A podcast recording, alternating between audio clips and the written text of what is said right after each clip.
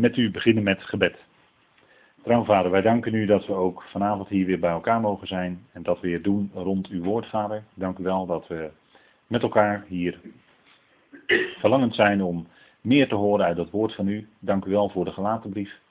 Dank u wel voor dat u de apostel Paulus inspireerde om deze brief zo te schrijven, vader, op een bijzondere wijze. We danken u dat we mogen kijken ook vanavond verder naar het historisch verslag wat Paulus doet. En dat is niet zonder reden, vader. Dat is belangrijk dat we dat weten. U vond dat ook heel belangrijk, vader. En daarom horen wij dat nu opnieuw. We danken u, Heer, dat we ook met elkaar vanavond ons mogen verheugen over datgene wat u geeft in het evangelie. Het evangelie van genade. Wat spreekt van u die liefde bent. U die ons lief hebt en uw liefde zal nooit verminderen, Vader. Dank u wel dat we hoe langer hoe meer gaan ontdekken hoe groot die liefde van u is. En daardoor ook hoe groot uw genade is. Vader, dank u wel dat we daarin mogen leven. Dank u wel dat we ook vanavond mogen luisteren. Wilt u ons leiden daarin, wijsheid geven, door uw geest geleid. Vader, dank u wel dat het dan mag klinken tot opbouw van ons geloof en tot lof en eer van uw naam. Vader, mag dat het zijn en daar bid u en daar dank u voor.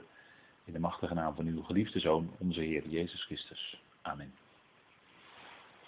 Goed, wij gaan uh, vanavond kijken naar uh, de volgende versen waar we mee bezig zijn. En dat zijn uh, de versen 19 tot en met 24 van hoofdstuk 1 van de gelaten brief. We hebben de vorige keer met elkaar gekeken naar de versen tot en met vers 18. En we willen vanavond er weer even inkomen aan de hand van vers 18. Maar ik wilde eerst even dat stukje lezen uit hoofdstuk 1 van de gelaten brief.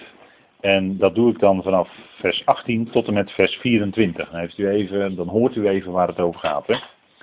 Vervolgens kwam ik na drie jaar naar Jeruzalem om Kefas verslag te doen en ik verbleef 15 dagen bij hem.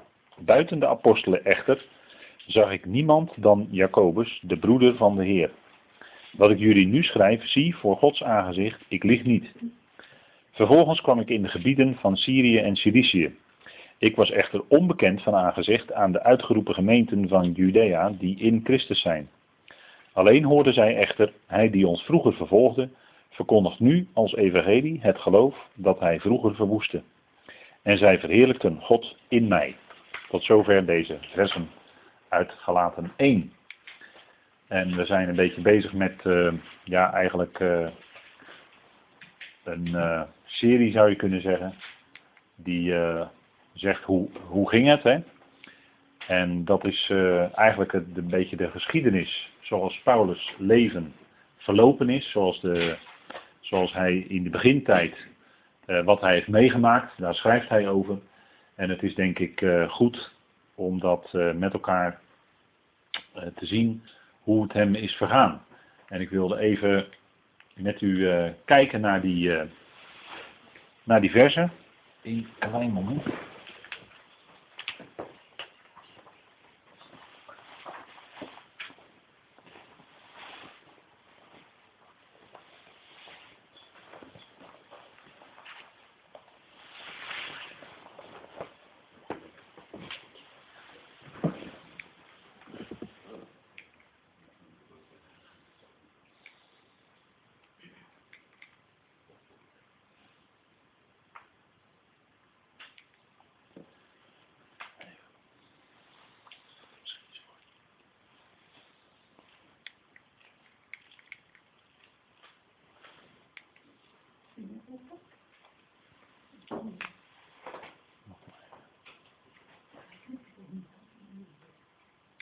Ja, dat was het even.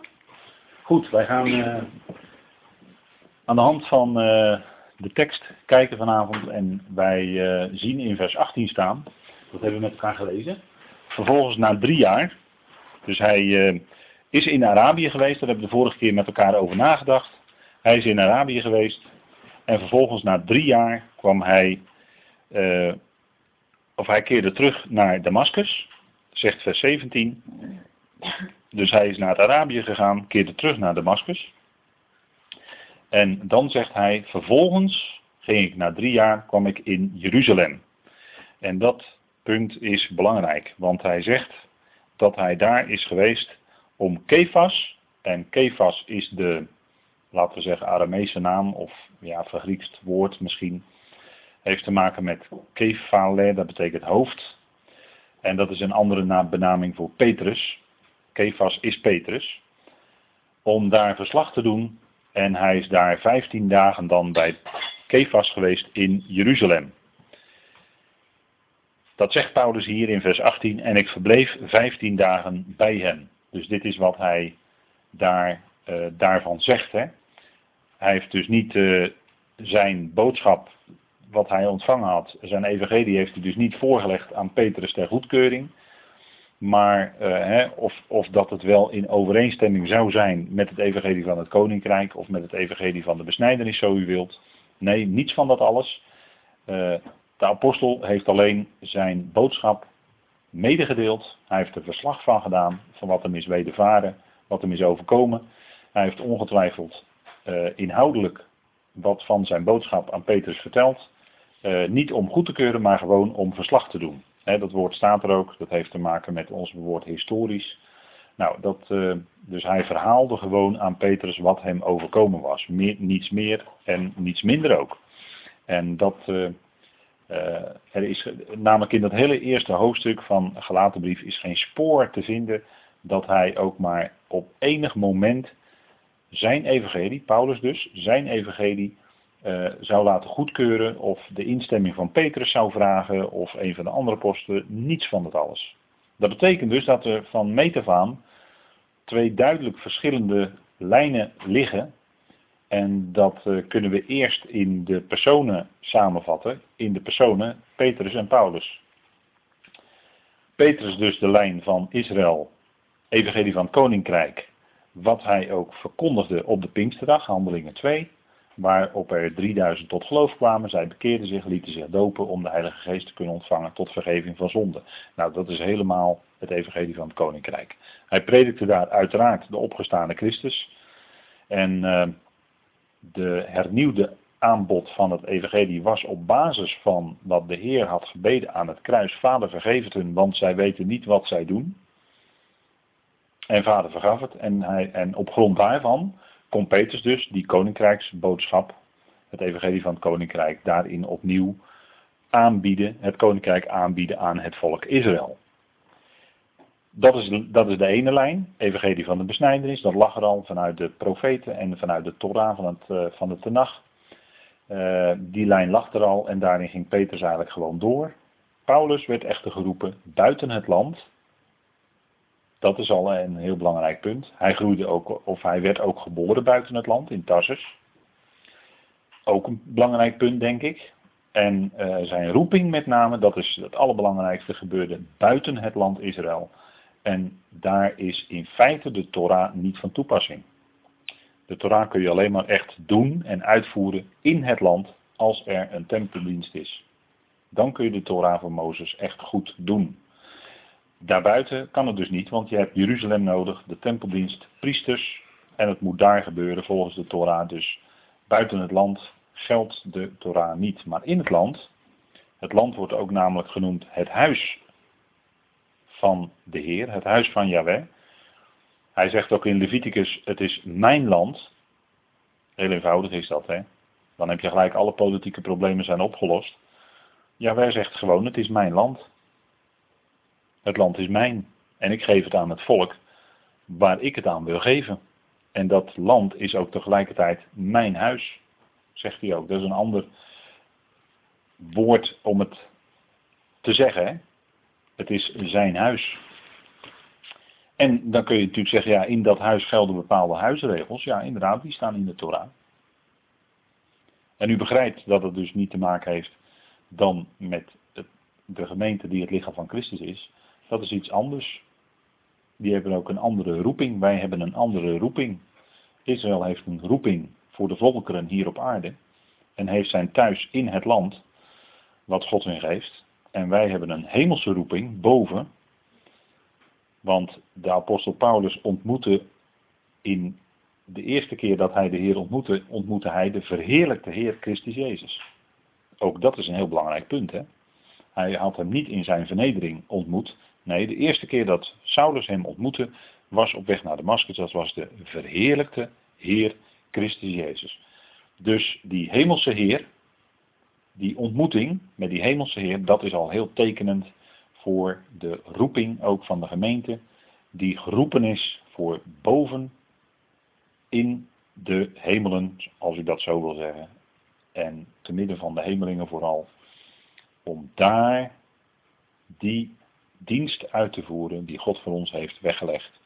En dat is eigenlijk, uh, ja, zeg maar een hogere, een hogere dimensie, een hogere roeping dan de roeping van het volk Israël. En dat is helemaal niet om Israël omlaag te duwen, maar dat dit is gewoon wat de schrift zegt. Dit is gewoon de plaats die God aan ieder geeft. En God is de plaats toewijzer, dat zegt het woord Theos ook, plaatser. Dat wil zeggen, hij geeft Israël de plaats op aarde en hij geeft ons een plaats in de hemelen, een plaats te midden van de hemelingen, om aan die hemelingen Gods veelvuldige wijsheid bekend te maken. Dat is de roeping van de gemeente. En dat werd in feite achteraf gezien al zichtbaar in de roeping van Saulus op weg naar Damascus, de hemelse Heer, ontmoette hij.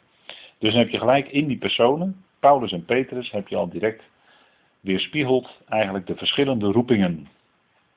En dat zouden wij niet veronachtzamen. Daar zouden wij bij blijven. Doe je het niet, kom je hopeloos in de verwarring en kom je ook onder de vloek, want Paulus zegt in Galaten 1, dat hebben we al behandeld, en ieder die een evangelie verkondigt afwijkend van datgene wat wij jullie verkondigd hebben, die zij anathema. Zegt hij twee keer. Al zou hij het zelf later anders zeggen. Dan zou op hemzelf de anathema rusten. Zo ernstig zegt hij dat. Hè? Dat moet u niet vergeten. Nou, wat doet Saulus, Paulus in Jeruzalem? Hij doet Kefas verslag. 15 dagen lang. En dat vinden wij in Handelingen 9. Ik denk dat het goed is om heel even met elkaar op te zoeken. Handelingen 9, vers 26 tot en met 28. En die woorden, die zijn belangrijk. Handelingen is voor veel mensen een verwarrend boek. Hoeft het niet te zijn hoor. Dat, dat, maar goed, daar moet je studie van maken. En dat is eenmaal zo met de Bijbel. De Bijbel is helemaal geen makkelijk boek. De Bijbel is helemaal geen makkelijk boek. De Bijbel moet je bestuderen. Er staat ook niet zo vaak, er staat misschien maar één keer in de Bijbel, zou kunnen staan dat je de Bijbel kunt lezen. Dat is natuurlijk nooit verkeerd hoor. Dat bedoel ik helemaal niet, dat is uh, alleen maar goed. Maar wat wel regelmatig in de schriften terugkomt, is dat de oproep er is tot onderzoek van de schriften. De Heer Jezus zei het ook bij gelegenheid tegen de schriftgeleerden en de fariseeën, notabene de schriftgeleerden, de fariseeën. Onderzoekt de schriften. En dat, dat, dat, dat, hij dan dat hij dat tot hen moest zeggen. Nou, daar komen we vanavond nog wel op. Waarom dat was. Um, handelingen 9 en dan lezen we even vanaf vers 26. Toen Saulus nu in Jeruzalem gekomen was, probeerde hij zich bij de discipelen aan te sluiten, maar ze waren alle bevreesd voor hem, want zij geloofden niet dat hij een discipel was. Want ze kenden hem van vroeger natuurlijk, hoe hij de gemeente verwoestte en als een dolle man tekeer ging. Maar Barnabas nam hem onder zijn hoede, bracht hem naar de apostelen en vertelde hun hoe hij onderweg de Heer gezien had en dat hij tot hem gesproken had en hoe hij in Damascus vrijmoedig gesproken had in de naam van Jezus. En hij ging naar Jeruzalem met hen in en uit en hij sprak vrijmoedig in de naam van de Heer Jezus. En hij sprak en redetwiste met de Grieks sprekenden, maar daarover vanavond later meer gaat even om deze vers tot en met 28. En we zien dus hier dat hij in Jeruzalem doet, is en dan Kefas kennelijk verslag heeft gedaan. Dat blijkt dan uit zijn Galatenbrief. Dat staat dan niet zo in handelingen, maar dat blijkt dan dus uit Galaten. En dan heb je dus twee verschillende kanten. Wat wordt in handelingen beschreven? In handelingen wordt beschreven de voortgang van het evangelie van het koninkrijk. De ontwikkeling van de koninkrijksboodschap in Israël en daarbuiten onder de Joden. En alles wat in verband daarmee staat, wordt in handelingen beschreven. Dus het koninkrijk, de ontwikkeling van het evangelie van het koninkrijk en hoe dat zijn weg is gegaan en ook wat Paulus daarin aan dienstbetoon heeft gedaan. En dat is voor veel mensen verwarrend, dat Paulus enige tijd een soort dubbelfunctie heeft gehad, een soort dubbele bediening. Aan de ene kant ging hij naar de Joden in de synagoge in het kader van het evangelie van koninkrijk, in zijn priesterlijke bediening, dat zegt hij in Romeinen 15. En aan de andere kant trad hij op als apostel om gemeenten te stichten, om zijn boodschap te brengen van genade en daardoor de gemeente uit te roepen die het lichaam van Christus is. Maar die waarheden die gelden voor het lichaam van Christus vinden wij in zijn brieven. Die vinden wij niet in handelingen. En dat moet u goed bedenken. Dit is een sleutel tot het boek Handelingen, wat ik u nu vertel. En gebruikt u die sleutel niet, dan zult u met het boek Handelingen altijd in verwarring blijven. Van waar gaat het nou over? Waar, eh, hoe kan het nou dat dat daar staat? Houd in gedachten dat Handelingen alleen te maken heeft met de ontwikkeling van het koninkrijk, de koninkrijksboodschap. Evangelie van het koninkrijk. Alles wat daarmee verband houdt, staat in Handelingen. Wat Paulus' boodschap was, genade, waardoor gemeentes geroepen werden, gesticht werden, vinden wij in zijn brieven. In zijn brieven vinden wij echt zijn boodschap. En dan weet ik wel dat er ook toespraken van Paulus, handelingen 13 bijvoorbeeld, opgenomen zijn in handelingen. Maar ook dat zou u moeten lezen aandachtig met de bekende sleutels. Wie zegt het? Wanneer wordt het gezegd? Tegen wie wordt het gezegd? Onder welke omstandigheden wordt het gezegd? Dat zijn allemaal handvatten waardoor u de Bijbel kunt begrijpen.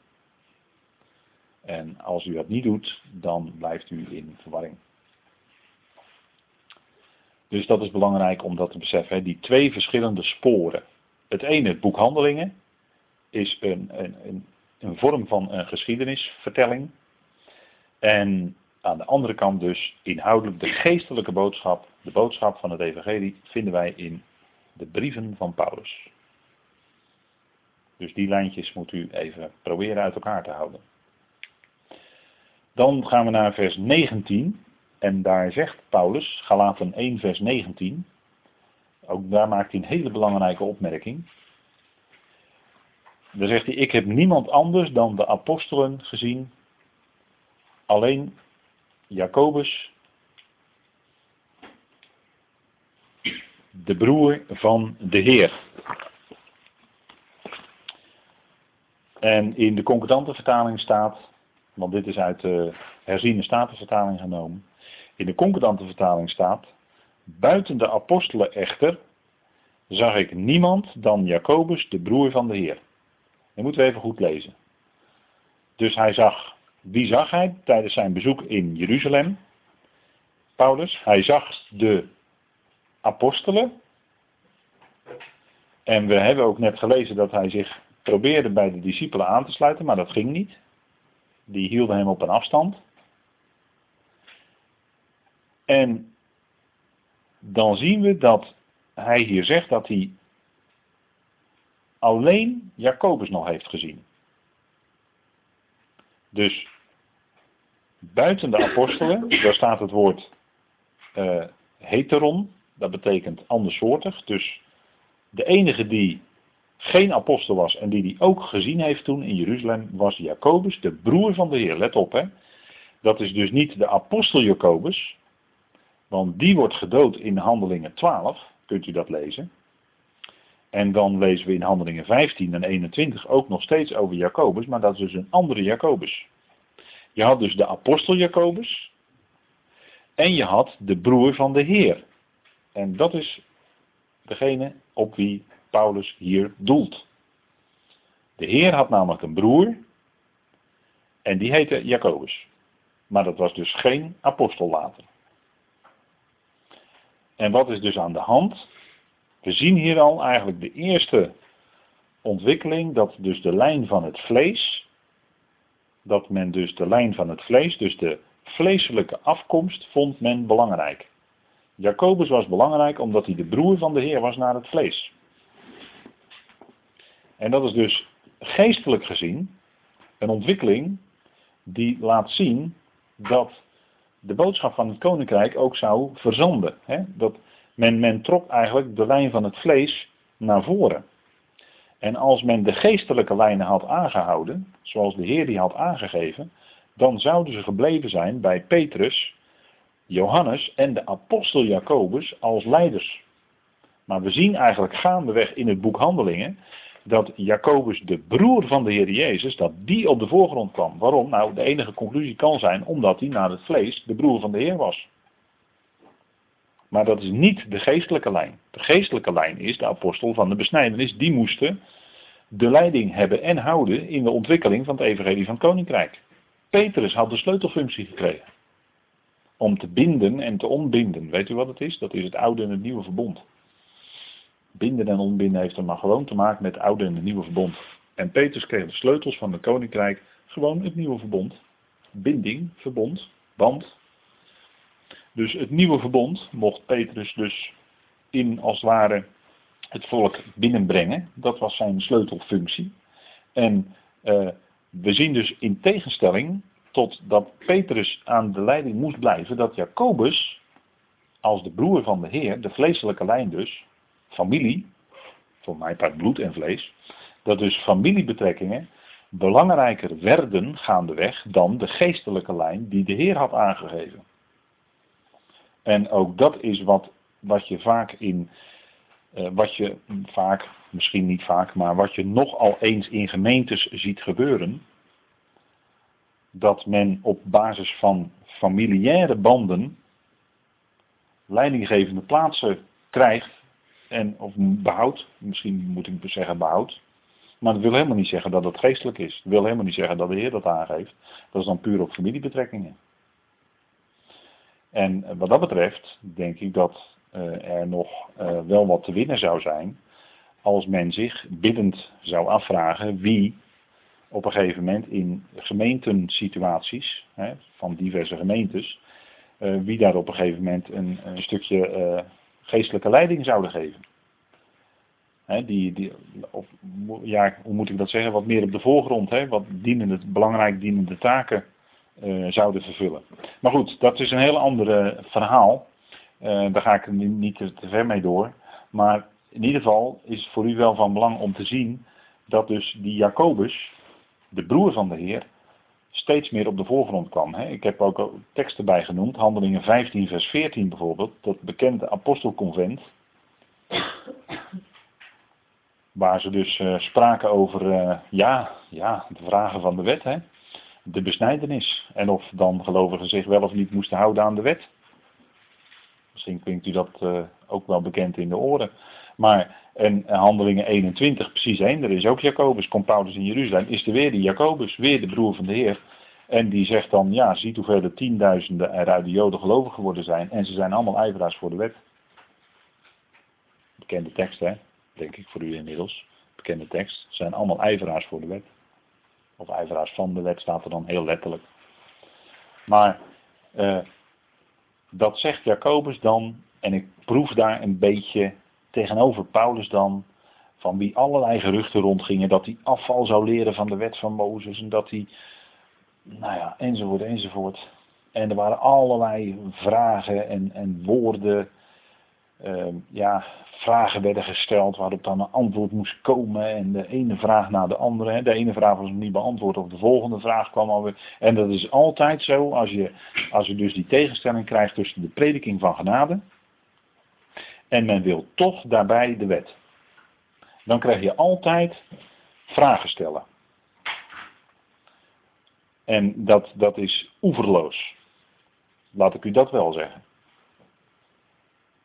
En, en, en dat is altijd in gemeentes, altijd waar, dat, waar die vragen van de wet, of, en in welke vorm het dan ook komt, of we dan op, uh, op zaterdag de Sabbat moeten gaan houden in meer of mindere mate, of we dan de feesten van Israël mee moeten gaan vieren, de feesten van Jehovah, Leviticus, in meer of mindere mate. Het maakt niet uit, roept u maar, zou ik bijna willen zeggen, maar je krijgt daar altijd vragen over eindeloze discussies als je niet oppast. En het kost je zeeën van tijd. En of hij er verder mee komt, ik vraag het me wel eens af. Maar in ieder geval speelde dat dus heel duidelijk ook in handelingen.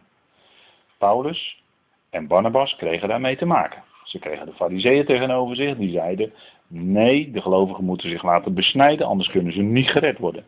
Er werd helemaal een apostelconvent voor belegd. En dan spreekt Petrus, die spreekt de bekende woorden van laten wij niet een juk op de hals van de discipelen leggen, want het is een juk wat wij nog onze vader hebben kunnen dragen. Kijk, die Petrus was tenminste eerlijk. En toen zei Petrus, dus wij geloven dat ook zij en ook wij door de genade van de Heer Jezus behouden worden, gered worden. Dus geen besnijdenis nodig, geen rituelen nodig, niets, gewoon geloof. En dan komt Jacobus, want dan gaan Petrus of dan gaan Paulus en Barnabas vertellen wat hun wedervaren is en dat God een deur van het geloof had geopend enzovoort. En dat gaan ze daar opnieuw vertellen op het apostelconvent en dan zwijgen ze. En dan neemt Jacobus, dat is diezelfde Jacobus, neemt het woord en die zegt dan van uh, dat God uh, eerst een volk uitroept voor zijn naam, onder, uit alle volkeren. Nou, is helemaal in de lijn van het koninkrijk. En dan komt Jacobus dus met een aantal inzettingen, met een aantal decreten die hij dus oplegt. En heb je dus eigenlijk toch weer de wet. En dat is wat hij ook uh, vasthoudt in Handelingen 21. Want in Handelingen 21 komt hij terug op diezelfde decreten die hij in Handelingen 15 had uitgevaardigd. Leest u het maar na. Ontbreekt ons de tijd even vanavond, maar ik zou zeggen, leest u het maar na. En u zult zien dat die Jacobus, dus de lijn, let op hè, de lijn van het vlees dus, niet Petrus, want dat was de lijn van de geest, maar de lijn van het vlees, Jacobus, dat die het voortouw kreeg en dat die eigenlijk de belangrijkste figuur is geworden op termijn, belangrijker dan Petrus zelf notabene. Dus zien we dat, dat het vlees op de voorgrond komt ten koste van de geest. En je ziet dan ook dat de wet op de voorgrond komt ten koste van genade. Die lijnen, die zouden dus goed in onze oren moeten knopen.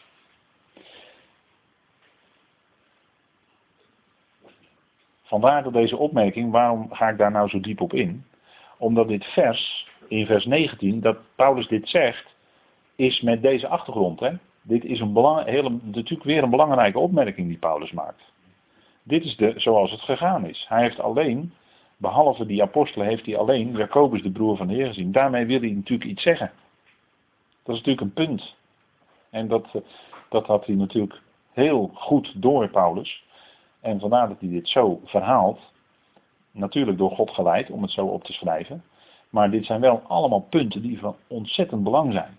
Om dat goed te zien. Hoe die ontwikkeling in die begintijd geweest is. En hoe die lijnen dus echt afzonderlijk van elkaar liepen.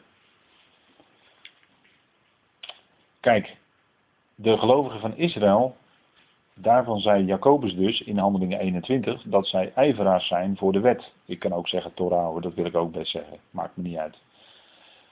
En dat is in het evangelie van het koninkrijk. Want daar gaat handelingen over. Hè? De ontwikkeling van, de, van het evangelie van het koninkrijk. En in tegenstelling daarmee, nou zeg ik het even heel scherp, is de gemeente die zijn lichaam is, dus de gemeente die het lichaam van Christus is, die leeft in genade. En dan ziet u dat het dus een hele andere lijn is dan de lijn van de Joodse gelovigen in het evangelie van de besnijdenis, zoals we dat in handelingen lezen. En de gemeente die zijn lichaam is, die leeft in genade. die leeft eh, onder genade, in genade, die leeft door genade en die leeft uit genade. Dus het is een en al genade. Wij zijn niet onder wet, zegt Paulus, Romeinen 6, vers 14 en 15. Wij zijn niet onder wet, maar wij zijn onder genade. De overstromende genade, de heerschappij van de genade, staat in Romeinen 5, vers 20 en 21. En dat is de heerser op dit moment, geestelijk gezien, is de genade. De genade van God. Die heerst. En daar staan wij onder. Dus we leven onder genade, we leven dus in genade. Nou, dat is geweldig. Hè? Ik, uh, zou niets liever, ik zou niets liever willen dan dat. Ja, dat is toch heerlijk, dat je leeft in genade. Dat is ons leefklimaat. Wat wil je nou nog meer? Nou, aan u voor uzelf om daar antwoord op te geven. Nou, Efeze 2, hè? Efeze 2 zegt dat natuurlijk. Hè? We zijn geredden in genade. Nou, laten we maar even met elkaar lezen, want het zijn hele fijne woorden in Efeze 2.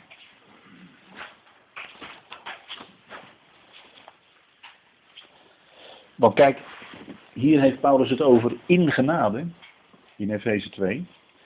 En we zullen in de Galatenbrief ook tegenkomen dat hij het heeft over een omstandigheid van mensen of van gelovigen die willen leven in wet. Dat staat er in wet. Dan stelt hij de vraag, hè? jullie die in wet gerechtvaardigd willen worden. Nou, dat is het tegenovergestelde van wat hier staat, dat is in genade. Uh, Romein, of uh, Efeze 2, vers uh, 5.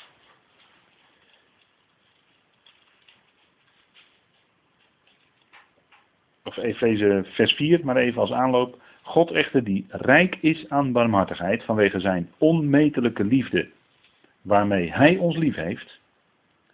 En dat is een feit, hè? dat lief heeft staat er in de aorist, dat is een feit. Wij die dood zijn voor de krenkingen en de begeerten, maakt ons gezamenlijk levend in Christus. In genade zijn jullie geredden en wekt ons gezamenlijk op en zet ons gezamenlijk te midden van de hemelingen in Christus Jezus, opdat Hij in de komende eonen tentoon zal spreiden de overstijgende rijkdom van Zijn genade in Zijn mildheid voor ons in Christus Jezus. Want in genade zijn jullie geredden, door geloof. En dit niet uit jullie zelf, het is Gods naderingsgave, niet uit werken, opdat niemand zich beroemen zal. Alsjeblieft. Dit is evangelie, hè? dit is goed nieuws. Dit is echt op en top genade. Dit is genade in optima forma. Dit is ons leefklimaat. Dit is onze plaats die wij gekregen hebben. In Christus Jezus, te midden van de hemeling. Dat is wat er staat. En, en daar is onze geweldige plaats. En Paulus spreekt over de overstijgende rijkdom van zijn genade in zijn mildheid voor ons. Wat een ongelofelijke boodschap, hè? En dat gaan wij tonen aan de hemelingen. Nou, dat heb je nooit kunnen bedenken natuurlijk, hè? Zoiets. Dat God ons daarvoor zou roepen.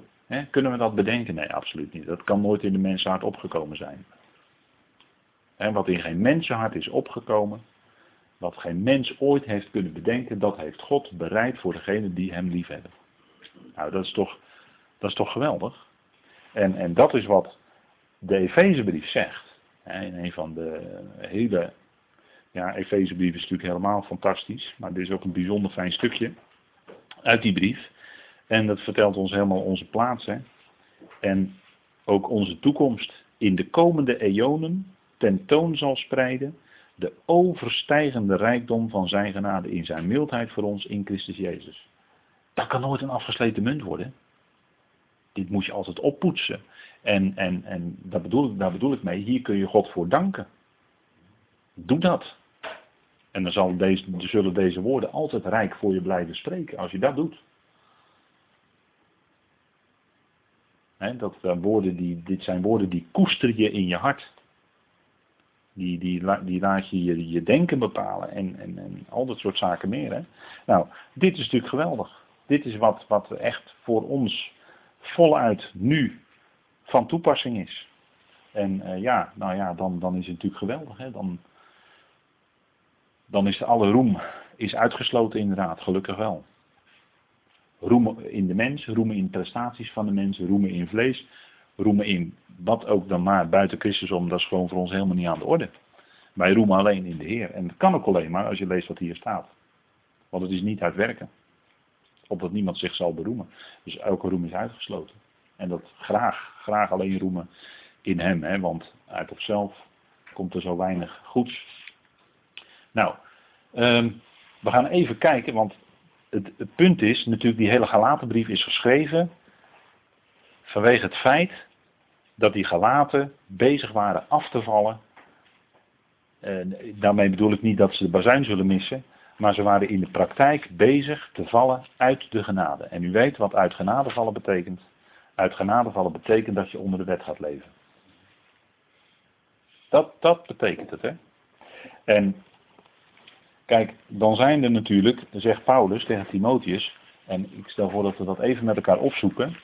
Dan zijn er natuurlijk uh, sommige waarvan Paulus zegt, zij willen leraars van de wet zijn. Of leraars van de Torah, kan ik ook zeggen hoor. Maar we zouden goed opletten waar Paulus zijn geestelijk kind Timotheus op wijst. En uh, ja, goed, ik, ik zeg misschien vanavond wel een aantal keren goed opletten en dit en dat. Ja, nou goed, het is maar wat u ermee doet. Ik bedoel, ik, u bent niets verplicht uiteraard. Maar ik probeer de ernst ervan aan te geven daarmee. Hè. Um, nou, Timotheus, wat zegt Paulus dan tegen Timotheus? Zijn opvolger, hè? En dan lezen we even vanaf vers 3, 1 Timotheus 1, vers 3. En er staat, ik herinner u eraan hoe ik u, toen ik naar Macedonië reisde, ertoe opgeroepen heb in Efeze te blijven, om sommigen te bevelen geen andere leer te onderwijzen. En er wordt vanzelf wel duidelijk waar het dan om gaat. En zich ook niet bezig te houden met verzinsels en eindeloze geslachtsregisters, die meer twistgesprekken opleveren dan door God gewerkte opbouw in het geloof. Dus we zien al hier waar het om gaat. Het gaat om door God gewerkte opbouw in het geloof. Daar gaat het om. En wat, wat leidt daarvan af? Wat bouwt dus niet op, hè, zou je dan er tegenover kunnen stellen? Nou, eh, verzinsels, dat zijn de verdichtsels, dat zijn de mythen. De mythen. En eindeloze geslachtsregisters.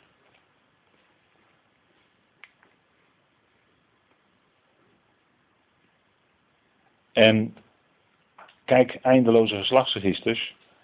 Let u op het woordje eindeloos. Dat wil dus niet zeggen geslachtsregisters in de Bijbel nagaan. Om te kijken wat de lijn is naar de Heer Jezus toe. En wie daar allemaal in voorkomen. Dat is, dat is een geweldige studie. Ja, dat is heel rijk. Maar het gaat om eindeloze geslachtsregisters. Dat wil zeggen, willen aantonen van wie je afstamt. En kennelijk waren gelovigen in die tijd daarmee bezig. En die lieten zich daardoor afleiden van opbouw in het geloof. En vandaag aan de dag is dat nog steeds zo. Bijvoorbeeld mensen die denken, uh, ja laat ik hier bijvoorbeeld maar Nederland noemen, uh, dat zij afstammen van een van de tien stammen van Israël. Eindeloze geslachtsregisters. Ja, daar moet je dan heel erg mee gaan bezighouden om dat aan te tonen. Dan zeggen, dan zeggen sommigen hier dat zij misschien als ze in Nederland leven afstammen van de stam Zebulon bijvoorbeeld.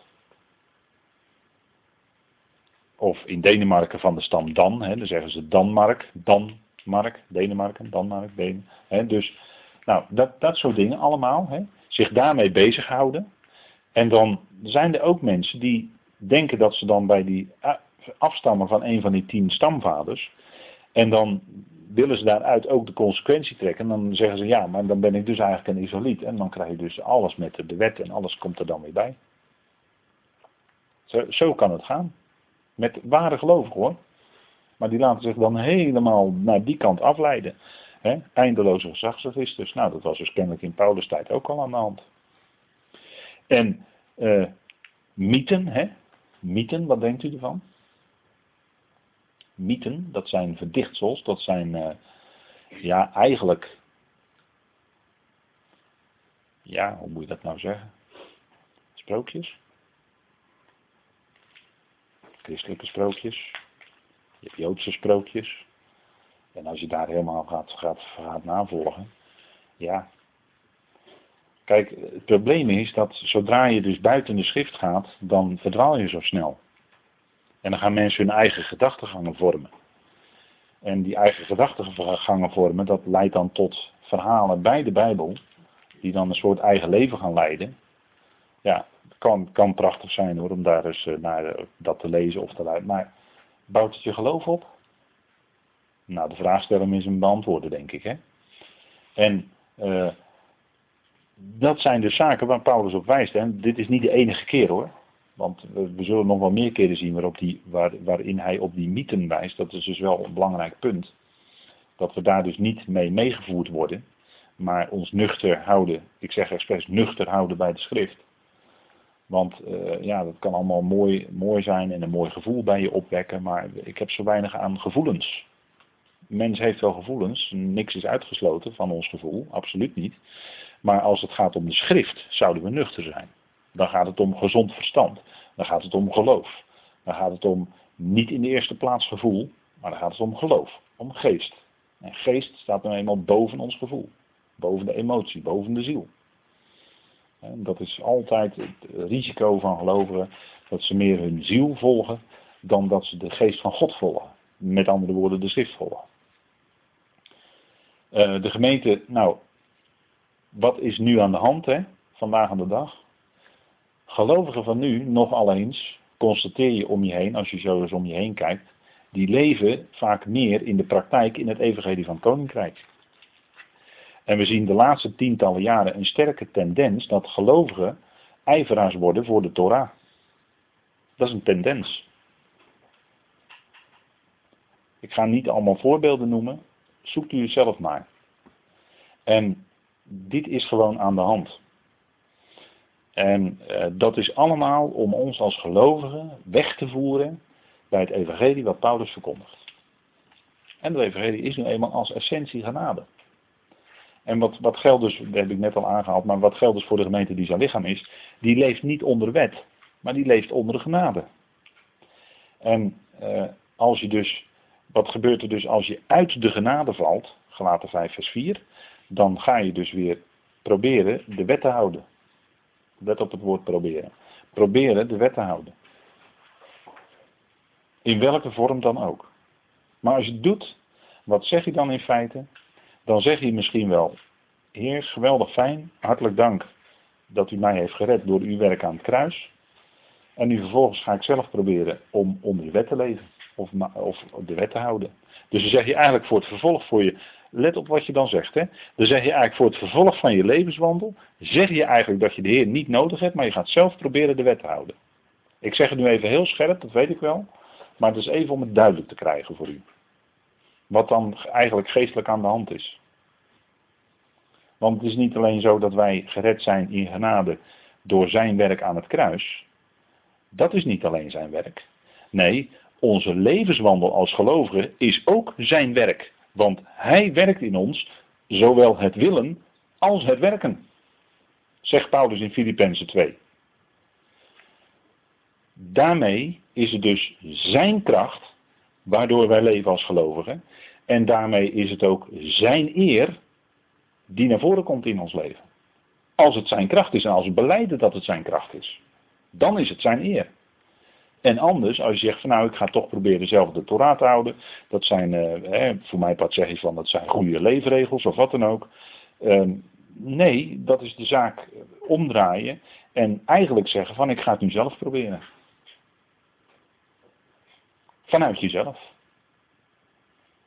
Maar het is een heilloze weg. En het leidt tot verdriet. Het leidt tot je gaan schuldig gaan voelen. Want dat is altijd, want je schiet altijd tekort. Dat is de praktijk hoor. Dan ga je altijd schuldig voelen. Je gaat altijd tekort schieten. Het is nooit, het is nooit voldoende. Het is nooit genoeg. Ja, klopt. Want in het vlees woont ook geen goed. Paulus zegt toch ook dat de wet zwak was door het vlees. De wet op zich is wel heilig, rechtvaardig en goed. Maar is, blijkt zwak te zijn door het vlees. Omdat het vlees niet in staat is om. Wat wel in ons die kracht geeft, is zijn geest, de geest van God, in ons. En daardoor kunnen wij wel leven. Daar spreekt ook Romeinen 8 vervolgens over. Leven door de geest. Een overmaat van geest hebben we ontvangen. En daardoor leven wij als gelovigen, als het goed is. En dat is eigenlijk heel ontspannen leven, want het, ja, het gaat ook niet meer om jouw kracht. Jij hoeft het niet te doen. Hij doet het. Dat is precies waar het om draait. Hè? En dat heeft met deze dingen dus heel nauw te maken. Nou, kijk, Paulus zegt dan in, in 1 Timotheus 1, hij zegt, uh, dan in vers 5 lezen we even eerst met elkaar, het einddoel nu, het einddoel nu van het gebod, dus van de aanwijzingen, is liefde uit een rein hart, een goed geweten en een ongeveinsd geloof. Ongeveinsd wil zeggen ongehuigeld geloof. Dus een waarachtig geloof. Dat is het doel, het einddoel, de telos van het gebod, van de aanwijzing. die Paulus geeft, is liefde. En ik kan ook zeggen het gebod hoor, want dat was ook de bedoeling van de Torah. Als we daar even over praten. De bedoeling van de Torah was dat de mens zou leven en die liefde van God zou tonen. De naaste zou liefhebben. Onbaatzuchtig liefhebben. Maar het bleek onder de Torah door het vlees niet te kunnen. Dat het was wel de bedoeling van de Torah hoor. Dat is wat Paulus hier ook in feite zegt. Het einddoel nu van het gebod is liefde uit een rein hart, een goed geweten en onheugeld geloof. Maar het vlees was niet in staat om. En liefde uit een rein hart, een goed geweten en ongehuicheld geloof kan wel in een gelovige door de geest van God. Daar wel door. Dus de hele kwestie is geest of vlees. Hoe leef je? Wil je leven vanuit je vlees? Probeer je aan de Torah te houden? Heilloze weg. Want je probeert het vanuit het vlees. De heilvolle weg is leven door de geest. En door die geest leven uit een rein hart, een goed geweten en een ongehuigeld geloof. Kijk, iemand die zich altijd schuldig voelt, heeft ook altijd een belast geweten. Die heeft geen goed geweten. En iemand die zich altijd heel erg schuldig voelt, is niet in staat iemand anders lief te hebben. Want die zit vol met eigen schuldgevoelens. Dat geweten is belast. Dus die zit vol met iets anders dan de liefde van God. Begrijpt u? Vandaar een goed geweten is dat je beseft, nee, het is door zijn werk, door zijn geest, ben ik gereinigd en hij houdt mij rein. De Heer houdt mij rein. De Heer heiligt en reinigt de gemeente. En een goed geweten en een ongehuigeld geloof. Het is niet een ongehuigeld werk, het is een ongehuigeld geloof. Daar draait het om. En dan is je hart dus vol van nou, die liefde, vol van hem. En dan ben je wel in staat, dan wel. Dan door die geest van God, dan ben je wel in staat die ander lief te hebben. Dan geldt wel van, indien je vijand honger heeft, geef hem te eten. Indien hij dorst heeft, geef hem te drinken. Dat kun je wel als je geleid wordt door de geest van God. Maar als je geleid wordt door je eigen vlees, om het zo maar te zeggen dan uh, hou je je vijand op zo groot mogelijke afstand. Laat staan dat je ze te eten geeft. Even zomaar een voorbeeldje. Hè? Maar goed, dan zegt hij in vers 6, sommigen zijn daarvan afgeweken. Waarvan? Nou, van die liefde uit een rein hart, een goed geweten en een ongehuigeld geloof, van die dingen. Zegt hij, sommigen zijn daarvan afgeweken. En, en hij wijst Timotheus dus op geen andere leer te onderwijzen. Nou, dat is natuurlijk de leer van genade en van geloof. En maar dan zegt hij, sommigen zijn daarvan afgeweken en hebben zich gewend tot ijdel, of in de vertaling staat dan zinloos, maar er staat eigenlijk een woord dat betekent ijdel of vruchteloos gepraat. Dat wil dus zeggen van, uh, er komt iemand die spreekt en die spreekt dan wel een heleboel woorden, maar u ziet het op het plaatje daar ook, het tekstballonnetje is eigenlijk leeg. Er worden wel een heleboel woorden gebruikt. En het kan misschien retorisch heel mooi klinken. Maar inhoudelijk is het eigenlijk helemaal niks. En, en wie daar goed in zijn, dat, dat, eh, ja, dat als je dan wel eens hoort zo, als een politicus geïnterviewd wordt, zo iemand uit de, uit de Tweede of Eerste Kamer, of wel die politiek reclame is, die wordt dan een vraag gesteld over een bepaalde politieke kwestie en die is dan tien minuten aan het woord en dan denk je na tien minuten, wat heeft hij nou eigenlijk gezegd? Een heleboel woorden gebruikt, want je kan ook een heleboel woorden gebruiken om dingen te verhullen. Niet om dingen te onthullen, maar om te verhullen. let maar op, als mensen soms een heleboel woorden nodig hebben, dan is dat om dingen te verhullen, te verbergen. Want je kan met woorden ook verbergen. Maar je kan ook met woorden onthullen, bekendmaken. Dat is heel wat anders. Dat deed Paulus. Die maakte bekend het evangelie. Gewoon de waarheid. Paulus zei gewoon de waarheid. Geen doekjes erom winden, gewoon dat is het. Klaar. Duidelijk, helder. Heldere boodschap. Nou, en zegt hij, sommigen zijn daarvan afgeweken, van die gezonde leer dus, die Timotheus moest doorgeven. En hebben zich gewend tot ijdel, vruchteloos gepraat. Dat is dus niet alleen zo bij politici kennelijk, maar dus ook bij mensen binnen de christelijke wereld. En sommige gelovigen die luisteren daar gericht naar hoor. Oh ja, die kan het zo mooi zeggen. Ja, heel mooi gezegd misschien, maar inhoudelijk. Dan gaan we inhoudelijk kijken. En ineens zijn de mensen dan weg, hè? dan zijn ze ineens niet thuis. Als we dan inhoudelijk, nu gaan we inhoudelijk kijken wat er staat. Dan zijn sommige mensen ineens niet thuis. Of er is gelijk het gesprek voorbij. Nou, dan weet je wel waar de, waar, uh, hoe ver het staat. Hè? En, en dat is wat in Paulus' dagen dus al aan de hand was. En waarin die Timotheus dus nadrukkelijk op wijst. Hè, ze, hebben, ze zijn afgeweken. En dus ja, waar vervallen ze dan in? Nou ja, zinloos gepraat. En eindeloos maar bezig zijn met. En wat, wat zegt Paulus dan? Want hij maakt het nog verder duidelijk. Zij willen leraars van de wet zijn. Ziet u wat hij zegt? He? Vruchteloos gepraat. Zij willen leraars van de wet zijn en hebben geen inzicht in wat ze zeggen en evenmin in wat zij zo sterk benadrukken. Want wat benadrukken zij dan sterk? Die wil dat zeggen. Dat benadrukken zij dan sterk, die leraars van de wet. de wet. Daar moet je aan houden. En daar moet je aan houden dus. Hè. Dat benadrukken ze zo sterk. En wat zegt Paulus dan van? Ze hebben geen inzicht in wat ze zeggen. Alsjeblieft. En denk erom dat hij wist waar hij het over had. Aan de voeten van Gamaliel gezeten hoor. Dus hij kende zijn Torah en zijn Tanach veel beter dan dat Petrus en al die andere apostelen daar kenden. Paulus wist het veel beter hoor, echt wel. En hij kende ook, en dat had de Heer hem onderwezen in Arabië, hij kende nu ook de geestelijke betekenis, want Paulus zegt ook, de wet is geestelijk. De wet is geestelijk, Romeinen 7 hebben we behandeld. En de geestelijke betekenis van de Torah is dat die Torah over hem spreekt die komen zou. Dat is de geestelijke betekenis. De Heer Jezus liet aan de Emmersgangers zien al wat in de Torah, de psalmen en de profeten op hem betrekking had. Let op, hè. Al wat. Dus dat is heel veel. In de Torah.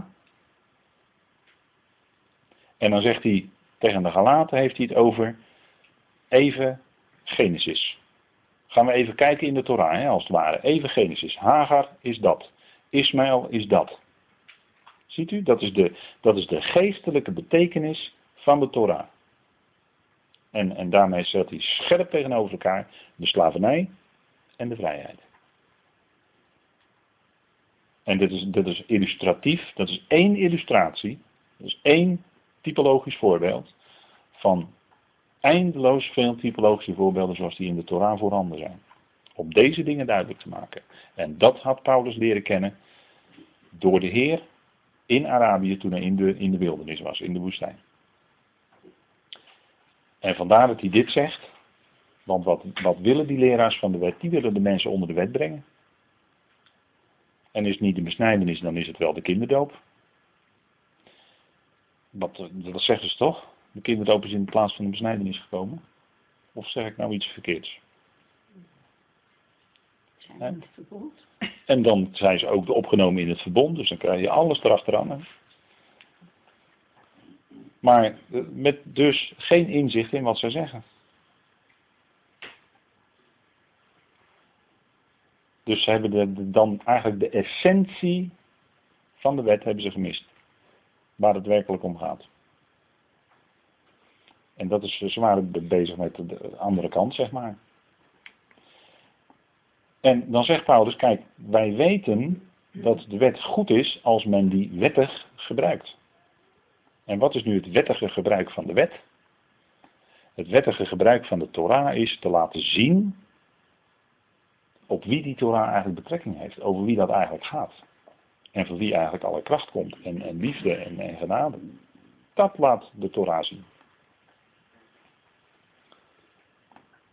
Dus het wettig gebruik van de Torah. Een onwettig gebruik is namelijk doordat men niet die Torah wil opleggen op de gelovigen. Van daar moet je aan voldoen. Dat is onwettig. Waarom is dat onwettig? dat is onwettig omdat Paulus ook in de gelatenbrief zegt, ik ben door de wet, voor de wet gestorven, opdat ik voor God zou leven. Want de wet zei, je bent des doods schuldig. Je, je, komt er niet, komt eraan tekort. Je komt eraan tekort. Dus ja, naar de wet moet je sterven. Bediening van de dood. Je komt eraan tekort. Dus Paulus zegt, ik ben door de wet, voor de wet gestorven, opdat ik voor God zou leven. Dat is waar hij het over heeft in de gelaten brief. Hè? En dan kan je dus nooit meer op die nieuwe mens in Christus Jezus, de gelovige in Christus Jezus, dat is die nieuwe mens, kun je dus nooit meer de wet leggen. Die kun je daar niet opleggen.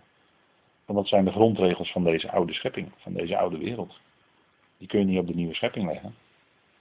Want binnen de nieuwe schepping werkt het allemaal heel anders. Het is allemaal totaal, dat is een hele andere wereld, letterlijk. Een hele andere wereld waar je dan in komt. Begrijpt u? Dus daar heeft Paulus het over tegen Timotheus, hè, als men die wetten gebruikt. En dan zegt hij, en als men dit weet, want dan zegt hij in feite hetzelfde als wat ik net zei vanuit gelaten. Als men dit weet, dat de wet niet bestemd is voor de rechtvaardigen. De wet is niet bestemd voor de rechtvaardigen, zegt Paulus. Wie zijn de rechtvaardigen? Wie zijn de rechtvaardigen vandaag de dag? Wij, ja precies, wij. Wij zijn rechtvaardigen in Christus. Wij zijn door het geloof namelijk gerechtvaardigd. Romeinen 3, Romeinen 4, Romeinen 5, wat wilt u? Welke hoofdstukken wilt u hebben? Maar wij zijn de rechtvaardigen. En Paulus zegt hier, de wet is niet bestemd voor de rechtvaardigen. Want die zoekt geen gerechtigheid uit die uit de wet is, maar die weet dat die gerechtvaardigd is door het geloof van Jezus Christus. Dat is een rechtvaardige. En rechtvaardig is degene die weet, dus ook gelooft, dat hij gerechtvaardigd is door het geloof van Jezus Christus. En dat is volgens de Romeinen 3 vers 21 buiten de wet om.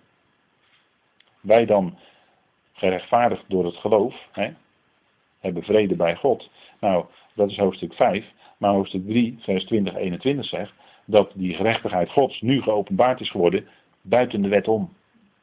Buiten de wet om. Dus los van de wet. Door het geloof van Jezus Christus. En dat is voor allen. Jawel, voor allen.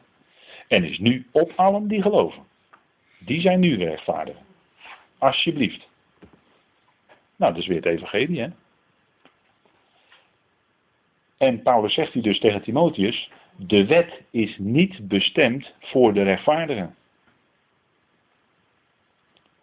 Maar, hij zegt, het is bestemd voor de wettelozen en de opstandigen. En dan krijg je een hele serie van allerlei akelige dingen. Die allemaal ingaan tegen de gezonde leer.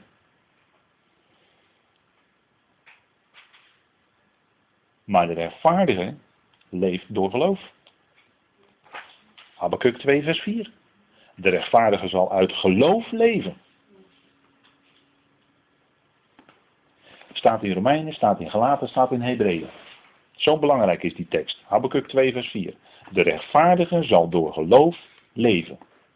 Niet door geloof rechtvaardig worden. Nee, de rechtvaardige, die is dus al rechtvaardig, zal door geloof leven. In de praktijk, nu, vandaag. En door geloof leven betekent in genade leven. Dat is waar het in de gelaten brief om gaat hoor. Dan gaat het niet alleen, alleen om gerechtvaardigd worden door het geloof van Jezus Christus. Maar in de gelaten brief gaat het ook om uh, Godgericht te leven in genade. De praktijk van ons als gelovigen is ook in genade. dat, dat, en keer op keer zouden we ons dat inscherpen. Dat het zo zit. En het is niet anders dan dat. Wil je het toch anders doen, dan kom je in een verkeerde levenspraktijk terecht. Waarbij je altijd schuldig zou voelen, waarbij het nooit genoeg is. En dus je blijdschap verdwijnt. Want gara is genade, is vreugde, dat is hetzelfde woord, en is ook dankbaarheid. Dat vloeit dus dan allemaal uit je praktijk van je leven weg. En dan val je dus uit de genade. Nogmaals, gelaten 5 vers 4. Maar die wet is dus bestemd voor wettelozen, voor opstandigen. Die zullen bij de grote witte troon ook best wel geconfronteerd worden met de wet hoor. De Joden, de Joden die ongelovig gestorven zijn, die zullen bij de grote witte troon geconfronteerd worden met de Torah van Mozes. Hebben ze er niet aan voldaan. En wat krijgen ze dan over zich? Verdrukking, benauwdheid. Wat staat er allemaal in Romeinen 2? Hè? Dat krijgen ze dan allemaal bij de grote witte troon. Dat is het licht wat ze hadden. Zegt Paulus, hè, Romeinen 2 hebben we ook behandeld hoor. Dat is veronderstel ik, een beetje bekend bij jullie. Maar hè, degene die onder de wet geleefd hebben, dus die de wet hadden, die zullen door de wet gericht worden, zegt Paulus in Romeinen 2. Dus bij de Joden is het erger. Want de wet maakt van de zonde ook nog eens een overtreding en een krenking. Maakt het alleen maar erger. En de heidenen zijn zichzelf tot wet, zegt hij, doordat zij die wet in hun hart geschreven hebben en bij wijze van spreken van nature de dingen willen doen waarvan de Joden weten dat ze in de wet staan. Maar bij de heidenen is dat precies hetzelfde hoor. Dus werkt het geweten precies zo. Even heel zuiver gesteld. Hè? Als ze geen dichtgeschroeid geweten hebben of geen, nou ja, je kan allerlei dingen met je geweten doen. Maar een, een, een zuiver geweten is dat je gewoon ook wil doen wat in de Torah staat, maar het lukt je niet. Want je mist de kracht. Je bent krachteloos door het vlees. Nou, dat, dat is wat aan de hand is. Maar ik denk dat dit, hè, Timotheus, kijk, Paulus die schrijft, zegt hij in vers 20, wat ik jullie nu schrijf, zie voor Gods aangezicht, ik lig niet. Dat zegt hij hier op meerdere keren, ik lig niet. En waarom is hij daar nou zo stellig? Omdat hij de waarheid van het evangelie verkondigt. He, vinden we in Galaten 2, twee keer. De waarheid van het evangelie. De waarheid van het evangelie. Vers 5, vers 14. Dus het evangelie wat Paulus verkondigt is de waarheid voor nu. Anders is het er niet.